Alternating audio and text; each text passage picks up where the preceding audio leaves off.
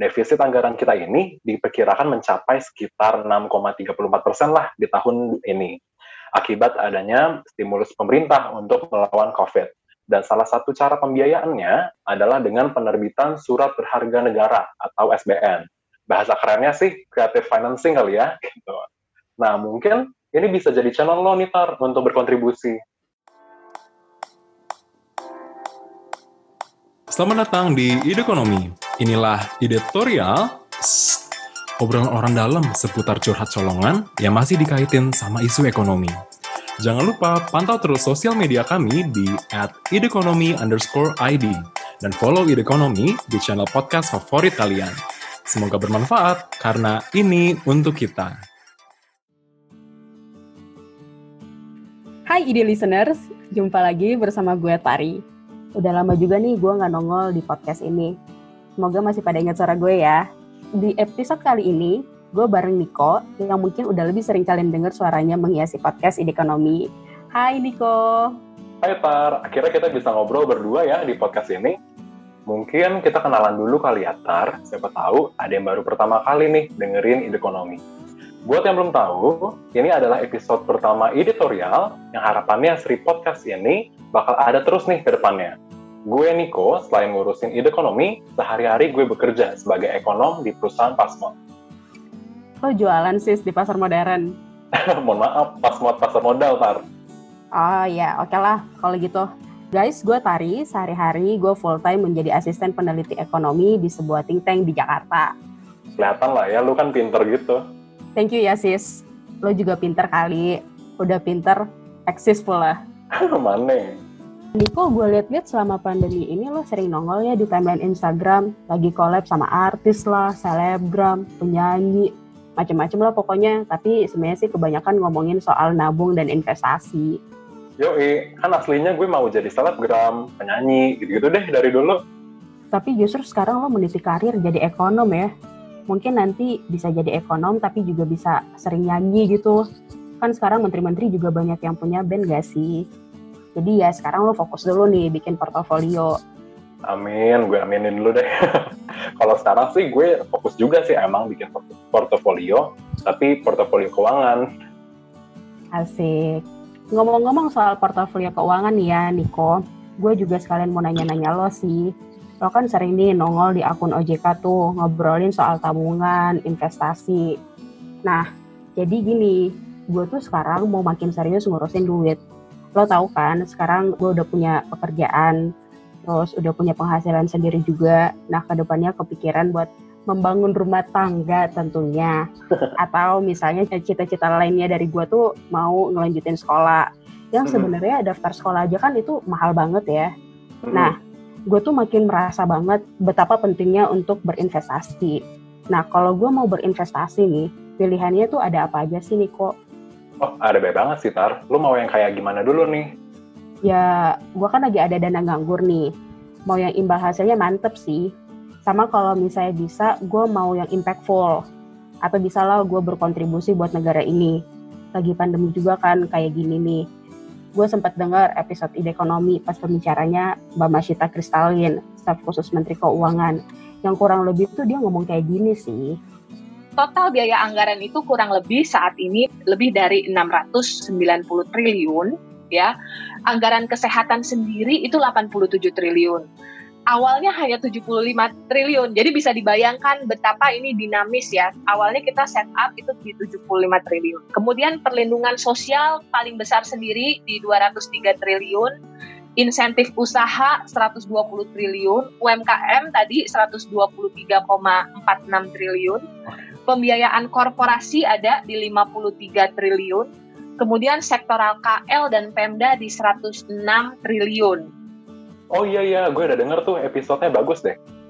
Nah itu dia, kira-kira ada nggak ya yang bisa mengakomodir niat gue ini? Gila, panutan banget sih loh mau kontribusi untuk negara juga sambil investasi. Jadi gini-gini, jadi emang saat ini pemerintah lagi butuh banyak dana karena ada yang namanya defisit anggaran. Dan defisit anggaran kita ini diperkirakan mencapai sekitar 6,34 persen lah di tahun ini akibat adanya stimulus pemerintah untuk melawan COVID. Dan salah satu cara pembiayaannya atau alias nambel kekurangan dananya adalah dengan penerbitan surat berharga negara atau SBN. Bahasa kerennya sih creative financing kali ya. Gitu.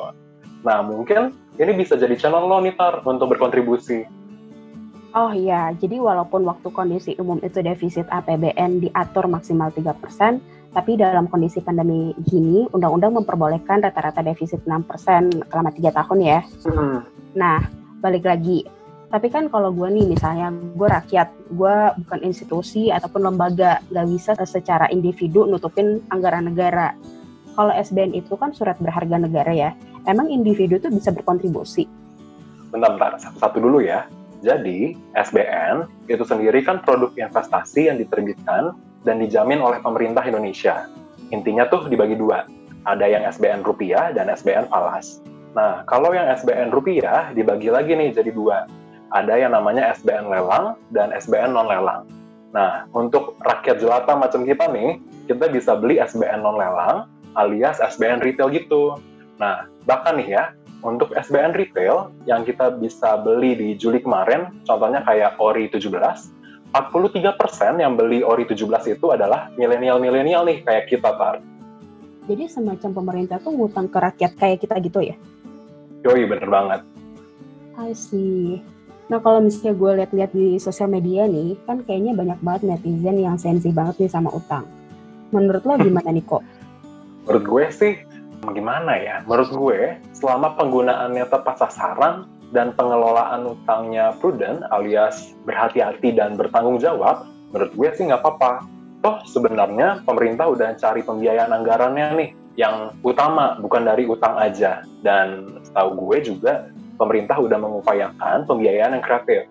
Nah, coba deh lo dengerin episode podcastnya Ide Ekonomi yang pembicaranya pas itu Pak Suhasil Nazara. Beliau Wakil Menteri Keuangan dan beliau ngomong gini kira-kira.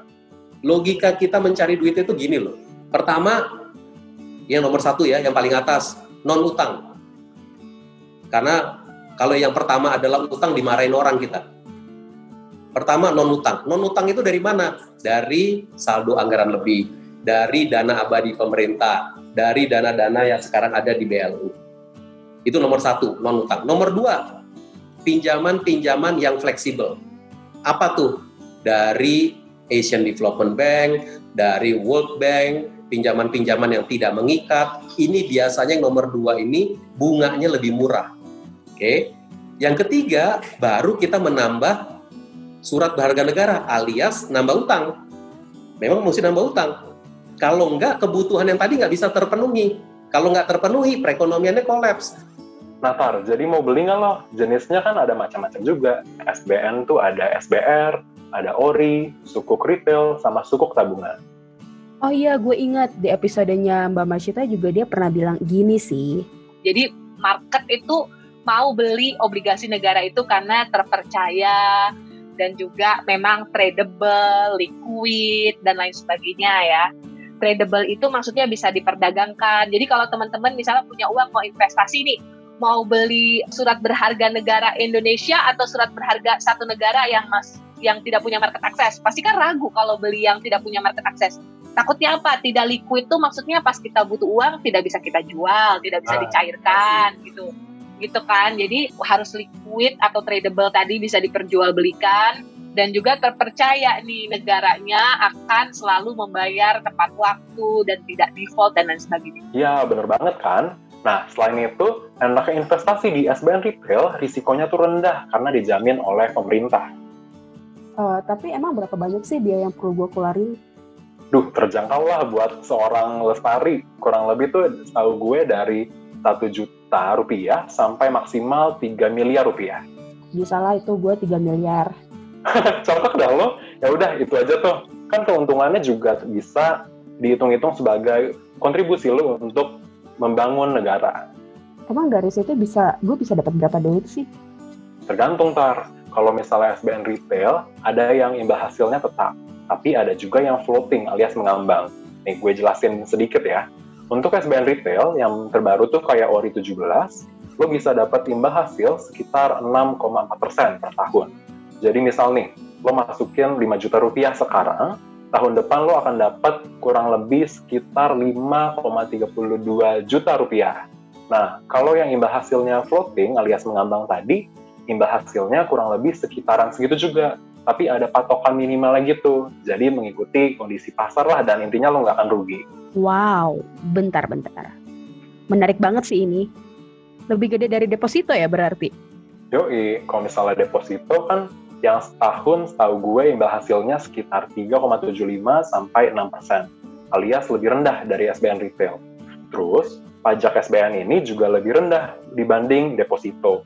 Sementara nih ya, kalau dibandingin sama saham, imbal hasilnya tuh emang lebih gede sih bisa jadi, tapi bisa juga turun drastis banget nih, bahkan bisa naik double digit ataupun turun double digit karena memang sekarang ekonomi kita kan lagi kurang pasti nih karena ada corona ini. Jadi memang saham pun bisa turun drastis. Ya istilahnya apa ya? High risk high return deh. Oh, jadi itu resiko saham ya. Kalau misalnya SBN retail ini tuh resikonya gimana sih Niko? Hmm, nah, masalahnya adalah lo suka yang berisiko nggak? Ya, gue sih kalau bisa yang sedang-sedang aja. nah, kalau gitu menurut gue pas banget nih SBN Retail buat lo. Soalnya, risiko investasi itu ada beberapa. Kayak contohnya ya, risiko gagal bayar, yang alias tuh hmm, gak mungkin. Soalnya pemerintah yang menjamin. Dan paling sama risiko lainnya adalah risiko likuiditas, alias gampang atau enggaknya duit lo cair Nah, kalau menurut gue sih SBN retail itu kurang terlalu liquid ya secara relatif. Tapi kan SBN retail ada periode-periode pencairannya gitu, Tar. Ada yang dua tahun ataupun tiga tahun. Nah, tapi kalau misalnya lu mau lebih cepat, beli aja SBN retail yang tradable alias yang bisa lo jual lagi sebelum jatuh tempo. Karena SBN retail ini ada yang punya fasilitas early redemption kayak SBR alias savings bond retail atau sama kayak ST alias sukuk tabungan. Nah, sementara yang non tradable itu alias yang tenornya ada juga yang tiga tahun, ada yang namanya ORI alias obligasi negara retail sama sukuk retail. Tadi banget sih. Kapan sih gue bisa belinya? Gila gercep loh, lo langsung nanya kapan belinya. Jadi gini, setahu gue tuh yang lagi ongoing tanggal 28 Agustus sampai September 2020 ini untuk bisa lo ngebeli SBN retail. Terus sama ada nanti 1 Oktober sama 26 Oktober 2020 ada lagi. Nah, ini tuh lo bisa beli di mitra distribusi yang udah ditunjuk oleh pemerintah. Dan udah ada banyak banget, kayak 16 bank, kayak Bank B, eh hampir nyebut merek, sorry, sorry, sorry. Terus ada 4 perusahaan efek, dua perusahaan fintech P2P lending, sama tiga perusahaan efek khusus. Jadi, lo cukup pilih salah satu aja nih dan bisa langsung dihubungin bisa offline, bisa juga online. Belinya kayak pakai ISBN gitu, Tar. I see. Iya sih, lagi COVID gini emang mending beli online aja sih. Mm-hmm. Kalau misalnya mau beli online nih, gimana caranya nih kok? Jadi, lo tentuin dulu nih, mau pakai mitra distribusi yang mana. Lalu, abis itu, lo daftarin diri lo di sistem elektronik yang udah disediain sama mitra distribusinya isi biodata, nomor SID atau Single Investor Identification, dan isi data-data yang lainnya lah, simple. Nah terus kalau misal lo belum punya SID, nggak masalah, soalnya nanti akan dibantu sama mitra distribusi yang lo pilih. Nah setelah itu, setelah diverifikasi juga, lo bisa langsung pesen deh SBN retailnya. Tapi tentunya pas lagi ada masa penawarannya ya. Nah, setelah disetujui pembelian lo, lo tinggal transfer deh jumlah duit yang mau lo investasiin di SBN retail tersebut. Bagaimana Lestari? Mudah bukan membelinya? Stop, stop, stop. Lo kira Siska Suitomo. Tapi oke okay lah, gue nangkep maksud lo apa. Oke, okay, gue siap-siap deh buat beli SBN retail ini. Thank you ya Niko sharing-sharingnya. Sama-sama, Tar. Kalau misalnya udah cuan, bagi-bagi ya. Ya kan buat sekolah, sis. Iya, iya.